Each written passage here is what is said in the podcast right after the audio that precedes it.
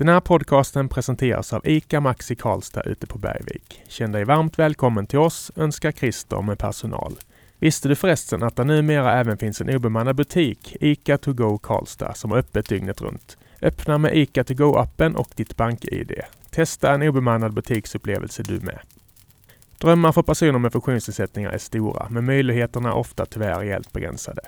Detta vill Forshagaakademin ändra på genom en ny individanpassad yrkesutbildning på gymnasienivå. Läs mer på forshagaakademin.se.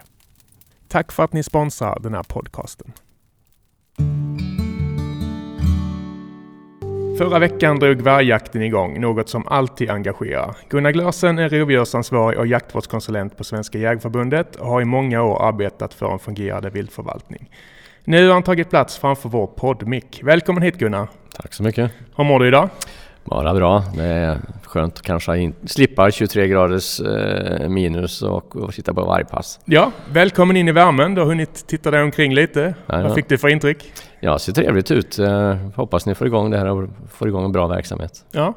Skjutbion tyvärr renoveras just idag när du kom. Hur, hur, är, hur är ditt skytte? Är du fullärd som... Nej, jag, jag skäms. Jag skjuter alldeles för lite egentligen så ja. att eh, ni får bjuda tillbaka på någon dag här. Absolut. När jag ringde dig senast så var det på, på jaktens första dag och du svarades viskandes ute på pass. Förlåt för dålig timing. Ja, det var ingen fara. Det var, eftersom jag är både jaktledig och medieansvarig så har jag telefonen igång hela tiden. Så ja. det blir inte så mycket jakt egentligen för egen del. Det är mest att åka runt och hålla kommunikation med jaktdeltagarna. Ja. Hur har veckan varit? Inte bästa förutsättningarna förstått med kylan och, och, så eller? Man kan säga att det kunde ju varit värre. Det kunde ju varit barmark. Eh, ja. Men tyvärr kom det ju ett eh, regnväder dagarna före och sen hade vi hoppats på att vi skulle få lite nysnö till på nyårsdagen. Men tyvärr kom det ingenting i vårt område så att vi inte haft optimala förhållanden. Men vi har ändå skjutit två vargar, så det har gått hyfsat. Sen har vi haft tyvärr då ett par eh, bomskott också, så egentligen borde vi haft fler. Mm. Vad hoppas ni på framöver? Vi hoppas på nysnö mm. och lite mildare kanske. Minus 23 är lite kallt när man ska sitta ute en hel dag. Mm. Vi kommer in på det mer sen. Vi, vi, brukar alltid fråga våra gäster hur de kom in på jakten. Och jag har ju läst på om dig och hört andra intervjuer och så vidare. Och precis som i många andra fall så var det med med familjemedlemmar, eller hur? Jajamän, min pappa jagade, han var kanske framförallt fågeljägare. Sen har jag min pappas morbror också ivrig jägare. Han var faktiskt mest stövarjägare egentligen. Mm. Så att, eh, jag började egentligen som småviltsjägare kan man säga. Och, eh, jag var med pappa från ja, 6-7 års åldern och sen så började jag själv jagade vid 15 och hade licens vid 16. Man fick ju det tidigare på den tiden. Har du något första sånt där minne som har etsat sig fast lite extra? Det finns ju många minnen, men jag kommer ihåg den första duvan när jag sköt i, utanför Väse. Eh, ett motskott i ett dike, den kommer jag faktiskt ihåg. Mm. Den kan du spela upp i minnet om du vill? Jajamän, det kan jag göra. Sen var väl det kan man säga att det var väl den första lagliga. Sen hade man som på den tiden med luftgevär och lite gråsparvar och sånt på sitt samvete. Men eh, det var den första liksom på riktig jakt. Ja. Mm. Var du fastnade du direkt eller har det varit ett intresse? Ja, ja det var, jag har jagat väldigt mycket hela tiden. Mm. Så att eh, jag har aldrig haft någon, någon paus i frågan inte. Nej jobbat länge i branschen nu och jag såg lite kuriosa att eh, det är inte varenda dag man hör att ett besök hos Arbetsförmedlingen leder en in på yrkesbanan. Men visst var det så för dig? Jajamän, det var faktiskt så att jag var mellan två jobb. Jag hade jobbat åt min far och eh, eh, hade en sommar inte jobb och hamnade så småningom på Arbetsförmedlingen. Och då frågade den här arbetsförmedlaren mig vad, vad jag tycker är kul. Ja, jakt och fiske. Mm. Och då eh, sa hon, ja men det kanske finns något inom det. Och så hittade hon att det fanns något som heter viltmästarutbildningen på Östermalma. Och på Just den det. vägen är det. Mm. Sen var det ju en krokig väg dit då, för, eller ja, krokig krokig, men eh, jag fick ju då eh, söka praktikplats. Det var ju inte enkelt när man inte hade någon egentliga kontakter men gick ett år gratis på dåvarande Värmlands läns jaktvårdsförbund. Så, så småningom hamnade jag på Grimsö i Skottland och på fasanprojekt. Så att, och så småningom då kom jag in på viltmästarutbildningen. Så mm. på den vägen är det. Berätta om eh, Östermalma. För det har ju varit länge varit en institution. Så. Ja, man har ju haft viltmästarutbildningen sen, om jag inte minns fel, tidigt 50-tal. Och sen hade man då, i början hade man utbildningar varje år, sen var det tre, var tredje år. Mm.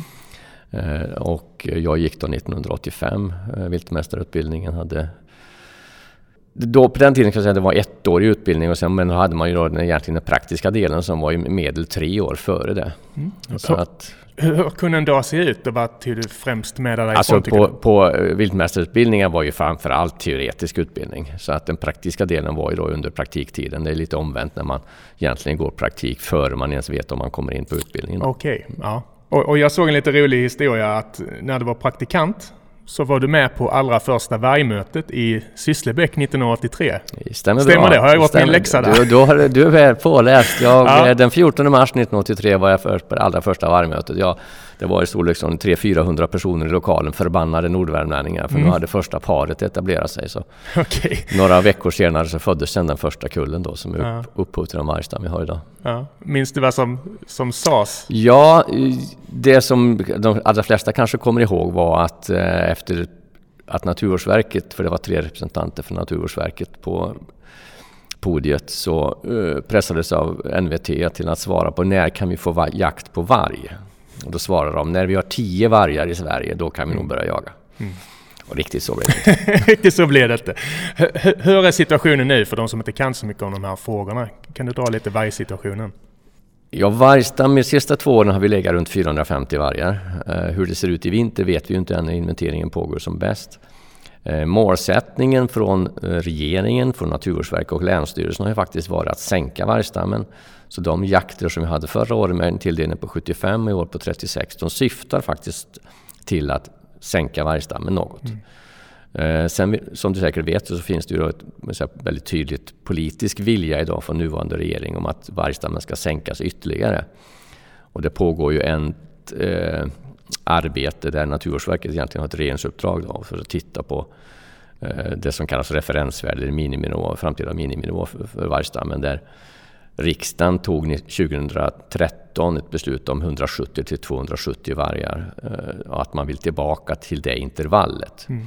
Och har man också uttryckt i den nedre delen av det intervallet. Rent personligen, tycker du att man börjar hitta nivån eller vad, vad, vad vill du se, du som är insatt som få i de här frågorna? Så det är en svår fråga när du frågar mig vad jag tycker personligen. För alltså vargen är ju väldigt problematisk. Mm. Eh, så att jag, precis som alla andra så tycker jag ju inte om att ha varg på jakt, min jaktmark och har haft det de sista 10-15 åren. Sen lever vi i en verklighet där kan man säga, det är inte modernt att utrota viltarter, vilket innebär att vi kommer att ha varg i Sverige. Och frågan är bara hur vi ska kunna motivera så få som möjligt. Mm. Och om du frågar mig vad jag tror om framtiden så tror jag kanske att skulle vi komma ner till 300 vargar så har det gått ganska bra. Eh, vi har trots allt en EU-kommission och eh, risk för att hamna i domstol som alltid ligger som, som en vilande över våra axlar. Vilket innebär att jag är inte säker på att det är helt realistiskt att komma ner till 170 som man pratar om. Eh, men jag tror att vi kan sänka vargstammen från de 450 vi har idag. Det tror jag är realistiskt. Mm. Eh, sen hoppas jag givetvis att eh, man kan komma lägre. Och, och, den här frågan engagerar ständigt. Det märks inte minst i diverse kommentarsfält på sociala medier och, och, och så, så, vidare. Du som jobbat med det här så länge, varför tror du att det river upp så mycket känslor och, och åsikter? Jag vet egentligen inte varför vargen har fått en säga, plats att bli en symbolart för naturvårdsarbete som den har idag i mångt och mycket. Men det är kanske för att den är just stor som den är intressant. Eh, man kan säga att det finns ju många arter som har det betydligt tuffare både i Sverige och på EU-nivå och på, på eh, i världen. Mm. Eh, som skulle gärna förtjäna större uppmärksamhet. Så på många sätt tycker jag kanske att vargen skäl även eh, plats för annat naturvårdsarbete. Men det kan att en stinkpadda kanske inte är lika intressant och attraherar inte lika på samma sätt som vargen gör. Så att är det för att den är liksom en symbol? På... Man har gjort det till en symbol. Jag tycker kanske inte att det är den bästa för det går ju faktiskt väldigt bra för vargen egentligen i hela världen idag. Mm. Och det ska vi nämna, det sa jag inte i presentationen, men du är även ordförande i, i FIS rovdjursgrupp. För de som inte är bekanta med FIS, ska vi ta det? Det är vår kan säga, samarbetsorganisation för e europeiska jägarorganisationer mm. där Jägarförbundet är med. Då. Precis. Och, och hur går snacket internationellt i de här frågorna? Det intressanta är ju att problematiken när det gäller varg är på många sätt densamma. Eh, samtidigt är det så att i, i, vissa länder så är vargen ett mindre problem än björnproblematiken. Exempelvis i Rumänien pratar man mera björn, samma sak i Bulgarien. Eh, så att grunden samma typ av problematik men från, ur ett jägarperspektiv diskuterar man ofta mer björn än varg i en del eh, länder runt om i Europa. Mm. Och det, det, vill jag gärna ta upp. Alltså, hur du kom in i den här branschen, rovdjursfrågor och så vidare. För jag förstod att det var lite av en slump eller? Det var inte ett val som du... Nej, jag jobbar ju först, jag ju, när jag började som jaktvårdskonsulent 1986 så började jag i Örebro, jag hade ett vikt där på ett och ett halvt år och därefter hamnade jag, jobbade jag fem år i Dalarna. Mm. Och det kan man säga att det var ju precis när björnfrågan var intressant, eh, alltså man började diskutera om vi skulle få björnjakt. Och så småningom kom lodjursjakten in och lodjursinventeringar som jag också började jobba med efter jag flyttade tillbaka 92 till Värmland, hem till Värmland här då. Och det var egentligen det att jag intresserade mig för frågorna var, var väl egentligen beroende på att det var den tiden eh, som gjorde att frågan blev aktuell och jag fick den på mitt bord på något sätt och sen har jag utvecklat det. Mm. Eh, I och med att jag också jobbade på Grimsö under min praktiktid så kände jag många av de forskarna och det har väl också hjälpt till kanske att varför jag har jobbat med rovdjursfrågorna. Och sen kan man säga de sista 20-25 åren så jag har väl varit den som har jobbat mest med rovdjursfrågor på Jägarförbundet. Mm. Och idag har jag ett nationellt ansvar. Jag vet att du jobbar eh, nära forskare och så vidare. Alltså beskriv det samarbetet, för du håller dig ständigt ajour. Ja, och det, man kan väl säga så här, som mycket annat i arbetsliv och i annat så är det ju så här, personliga kontakter är kanske viktigare än, äh, än äh, vad man har för utbildning och så vidare. Så att, i och med att jag då har jobbat på Grimsö och lärt känna många av de här personerna som kanske inte ens då jobbade med rovdjursfrågor eh, när jag var där 83. Utan då jobbade de med älgfrågor och ekorrar och allt möjligt. Men så småningom också då eh, hamnade i rovdjursfrågorna så har jag ju haft förmånen att ha lätt att ha kontakt med dem eftersom jag har en personlig relation till dem. Och det tycker jag, tror jag har hjälpt mig eh, väldigt mycket genom åren. Och, och, deras kunskap och expertis, hur implementerar du det i ditt uppdrag? För jag vet att du föreläser och så vidare, men kan du inte beskriva det? Ja, men alltså jag, jag har ju alltid haft, levt efter den devisen att jag tror det är viktigt att vi försöker hålla oss till fakta och det gäller väl Jägarförbundet i stort. Eh, det är lätt att skrika och vara populist. Mm. Men jag brukar säga att eh, det är lätt att få applåder i den här frågan. Men man ska också kunna leva upp till dem. Mm. Eh, är det lätt att känslorna tar över? Det är lätt att känslorna tar över och jag vet att jag, jag, jag kanske allt mer på senare år blir allt mer försiktig med just den populistiska uttalanden. Jag försöker uttrycka mig så realistiskt jag någonsin kan. Mm. För annars skapar man förväntningar som sen inte kommer att uppfyllas. Så att eh, jag tror att man i längden vinner på att försöka vara realist och ärlig eh, och att inte vara alltför populistisk. Är, är det därför som man upplever många politiker och så vidare som ganska knastertorra liksom? Det, det finns en anledning till att man inte vill... Ja, jag tror att... Eh, jag, jag, tror det är anledningen och mm. Eh, tyvärr ser vi ju att populismen emellanåt segrar. Men det löser kanske inte pro, eh, problemen och frågorna på sikt. Nej. Jag har ju själv mycket, mycket band och vänner inom journalistbranschen och de har ju pratat väl om dig här, att du alltid finns där och, och liksom lyfter de här frågorna på ett schysst och, och korrekt sätt. Alltså hur, hur, tycker du att media lyfter de här frågorna? För det, vi märker ju själva att när vi skriver om varg och sådär, siffrorna går ju onekligen upp. Det finns ju ett stort intresse. Är, är det lätt att göra klickbet av eh, de här frågorna? Eller hur, hur, tycker du att media i allmänhet lyfter dem? Jag tycker att media egentligen har en ganska objektiv bild av det hela. Sen är vi ju lite prinsessor på ärten emellanåt, vi jägare och givetvis även på andra sidan. Man, alltså man, man uppfattar allt som minsta nyans eh, som att man är någonting för eller emot och så vidare. Så mm. i grunden tycker jag att man har en ganska objektiv bild. Och sen har det väl säga medierapportering exempelvis från vargjakten förändrats väldigt mycket. 2010-2011 var det ju en ren katastrof, liksom det, eh, krigsrubriker. Eh, jag kan nästan fascineras av hur lokal media här i Värmland exempelvis, de, man räknar bara ner hur många vargar som skjuts i stort mm. sett. Och det har normaliserats. Ja, du sa det i en intervju. Berätta vad du menar med det, att det har normaliserats. Så tillvida att det är inte... Man förväntar sig en vargjakt varje år i Värmland. Eh, media rapporterar liksom från vargjaktstarten och sen tar de, följer man den genom veckorna som går att nu har det skjutits en varg, nu har det skjutits en varg till och man skriver att det var en tik 30 eh, kilo eller vad mm. det nu kan vara.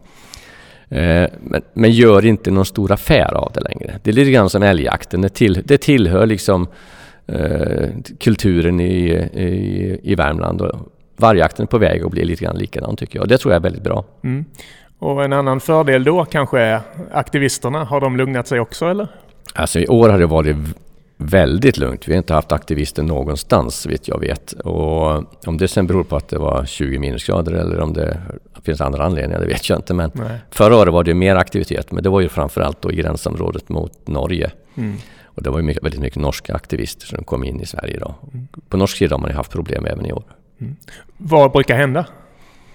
Ja, det är ju allt från att det gått till tumult, att man ligger och brottas i snön. Mm. Eh, som då är det kanske det värsta som hänt, till att aktivister som fotograferar jägare. Och ska jag komma vi i jägarkåren, det är ju vanliga människor som bor där ute som har vanliga jobb. Tycker inte alls det är speciellt trevligt när man blir fotograferad och häng, uthängd på sociala medier. Men lägger ut dem på forum sen eller? Ja, och det, många, det finns ju många som därför avstår från att vara med på vargjakten. Mm. Har, har, du personligen fått någon skräckupplevelse så eller? Nej, jag ska, alltså du känns som en väldigt grundad, trygg, trygg person. Ja, jag kan säga med tanke på att jag ändå är så profilerad i de här frågorna och syns så mycket så jag ändå, tycker jag ändå att det är väldigt lite påhopp jag får. Jag, visst, jag får något elakt eh, vykort så här någon gång och något, genom åren har jag fått något samtal om, med hot och så vidare. Mm. Men med tanke på hur exponerad det är så tycker jag ändå att det är ganska lite. Mm. Brukar du svara dem också liksom och försöka förklara varför det behövs? I den mån det är uh, med namn så att jag vet vem jag liksom kommunicerar mm. med så försöker jag absolut göra det. Och det intressanta är att nästan alltid när man gör det så backar de och eh, förvånade över att man svarar. Mm. Vad brukar du svara? Varför behövs jakten? På alltså, varg? Jag, Alltså, vargen är och kommer alltid vara en konfliktskapare. Eh, den skiljer sig från många andra arter och rovdjur genom att den potentiellt, eh, ja, den potentiellt skulle kunna vara farlig för människor i och för sig. Då. Men framförallt att den påverkar sin omgivning så mycket. Eh, tamdjur, bytesdjur och så vidare som vi är intresserade av.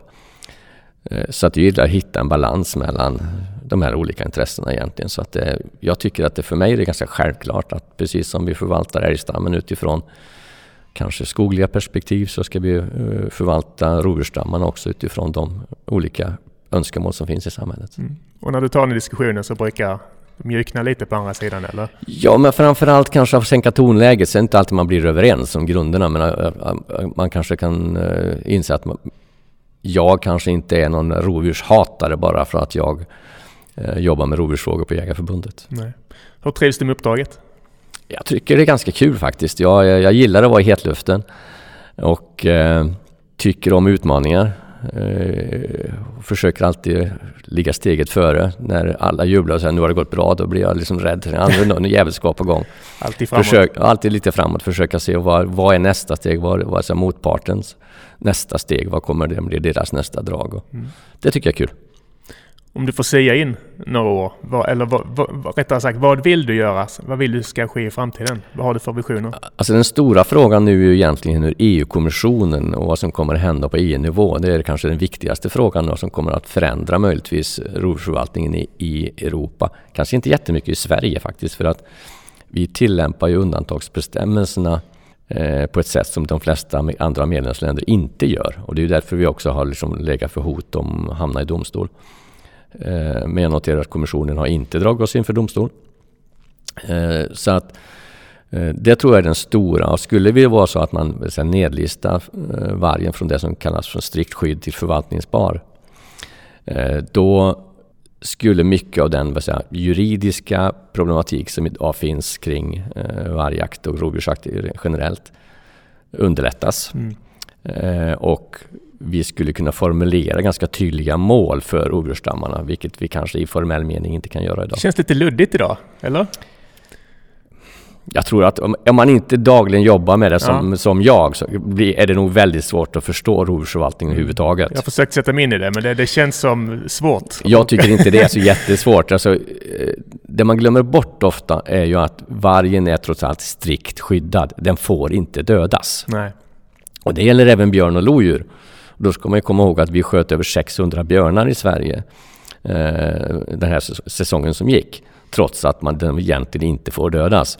Och det är klart att på något sätt känns det ju väldigt konstigt att man då har en strikt skyddad art som man jagar på det sättet. Det är rimligt att de ska vara i förvaltningsbar istället. Jag förstår. Jag förstår. Vi, vi, ska prata lite om eh, inventering av lodjur. Det är något som kommer upp ofta när man pratar med dig, eh, eller om dig med andra. Och jag, jag, vet ju att du har ett väldigt stort eh, intresse för det och vi ska prata lite BBC och naturfilm och, och, och så vidare. Men, men, men lodjur fascinerar dig eller? Lodjur har fascinerat mig länge. Jag kan säga att vi började egentligen på början på 90-talet här i Värmland med att vi konstaterade att det finns betydligt mer lodjur än man sa officiellt. Mm. Eh, vilket ledde till att eh, Jägarförbundet startade inventeringar tillsammans med forskarna. Och eh, man kan bara eh, sammanfatta det med att Naturvårdsverket bedömde att det fanns betydligt eh, färre lodjur än vad det i verkligheten fanns och vi kunde ju visa det. Men det att jag då har jobbat med, med lodjur och lodjursinventering sedan tidigt 90-tal har gjort att jag har lärt mig en hel del om lodjur. Och sen i och med att vi fick börja använda viltkameror, jag har ju kunnat via Länsstyrelsen och hjälpa Länsstyrelsen redan före de blev allmänt lovliga. Så jag har lärt mig mycket om hur de rör sig och så småningom så från att bara vara intresserad av själva inventeringen och fånga dem på bild eh, och få reda på hur många de är så har jag också insett att man kan ju få väldigt häftiga bilder. Mm. Vilket i sin tur av, ja, det är många vägar. Jag vet inte om du känner till, det fanns ju en eh, Hällesö-affär här för ett antal år sedan, 2011, där jag pekade ut en naturfotograf mm. för att vara fuskare. Det var falsk. Eh, som blev väldigt mycket rabalder kring. Ja. Eh, och eh, det visade sig att han fuskade. Men, Vad var det du avslöjade honom på? Jag, alltså jag gillar bilder eh, och eh, jag såg bara att det är fake. Jag, jag, det är svårt att beskriva vad det som gjorde att jag kunde se så tydligt vad som var fake. Det var inget specifikt utan det bara något Ja, var det något, i något fall var det ett lodjur som var fotat i eh, första veckan i juli. Okay. I, I vinterpäls. Så det är... varningsklocka. Det, det ringer varningsklockan. Men det märkliga var att det var ingen annan som såg det. Nej. Nåja, hur som helst så... Eh, det i sin eh, tid gjorde att jag sen så småningom började intressera mig för att få lodjur på bild själv. Eh, och känner Henrik Ekman på SVT. Och han ringde mig eh, för ja, två och ett halvt år sedan och frågade om jag hade något tips om älgar i trädgård för att BBC skulle göra en serie. Mm. Och då kom vi att prata just om det här med det här så kallade Hällesöaffären. Och att nu har jag hamnat i lodjursträsket, så jag, för nu har jag börjat filma lodjur istället och fota lodjur. Och då fick han se bilderna och så hamnade jag så småningom dagen efter med, i ett Zoom-möte med BBC. Mm. Berätta om det mötet. Det måste varit en eh, overklig upplevelse. ja, det var, som jag är ju inte fotograf på det sättet, även om jag alltid var intresserad av fotografering. Eh, så visade jag de bilder jag hade och en del filmsekvenser som jag hade fått. Då. Och då frågade de mig om jag kunde eh, hjälpa dem för att de skulle göra den här serien Wild, Wild Scandinavia. Mm. Och naiv som jag var så sa jag ja. Och eh, så småningom då, det här var ju under eh, eh, pandemin, vilket gjorde att de kunde inte skicka folk från England. Utan det kom en tysk fotograf, satte upp lite kameror, deras egna som superkameror. Som jag skötte i två, två och en halv månad. Jag fick några eh, jättefina sekvenser eh, men inte tillräckligt egentligen så jag fortsatte efter de tog ner dem och köpte egna kameror för den ersättning jag fick. Likadana kameror. Byggde på dig? Jag byggde på mig egna så att eh, sen fortsatte jag filma. Sen har jag fortsatt eh, efter det också då så att eh, senast jag höll på med mord faktiskt mm. och får väldigt fina sekvenser på mord. Häftigt. Jag, jag såg ju Heartland, Heartlands det, på SVT. Ja. Det fanns ju kvar fortfarande. Och, Jajamän, den finns att se på SVT Play. Ja, där stod du i eftertexterna. Det var häftigt. Jajamän. Det är många naturfilmer som bara drömmer om BBC. Vill höra. Ja, det kan ju kännas lite orättvist att jag då som är verkligen amatör just det, inom det området äh, hamnade och fick göra det här. Och det inleder ju det här programmet. Det är ju den första delen. Det handlar om lodjur. Mm. Sen är inte alla sekvenser mina utan det finns några också. En, som inte är mina, men huvuddelen är mina. Så är det. Ja, häftig känsla och eh, är det ett fortsatt stort intresse för dig där, fotografering och så vidare? Har det växt? Jag, jag, Ja, ja, jag tycker det är jättekul. Alltså viltkameror överhuvudtaget. Eh, jag hade en, ett par kameror ute hela säsongen under Ben Saltsten. Mm. Jag fick en fantastisk sekvens i, av en ren slump. Jag hade egentligen satt ut den för jag hade en valp, eller rävkull i området. Och så har jag en ko och kalv som går fram till saltstenen och, och de står och slickar på saltstenen. Så kommer det en rävvalp fram och smyger fram bakom kon och så nafsar henne i bakbenen. Okay. Ja, en helt fantastisk sekvens. Du lyssnar på Vildmarken Podcast.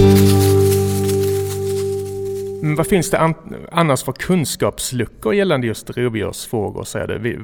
Vad skulle du vilja täppa till för kunskapsluckor där ute i allmänhet? Svår fråga såklart. Det är en svår fråga, det beror ju på vem, liksom, vilken grupp vi pratar om. Jägarkåren har i varje fall basal kunskaper om rovdjuren, vad de äter och så vidare. Det som jag tror att väldigt många saknar det är ju kunskap om de politiska eh, möjligheterna, EU-kommissionen och, och lagstiftning och vilka förutsättningar som egentligen gäller. Mm. Det är väl det, det är väldigt svårt. Sen kan, det också vara svårt att få folk att intressera sig för sådana tunga frågor. Mm. Hur säljer man in det? Sexigt?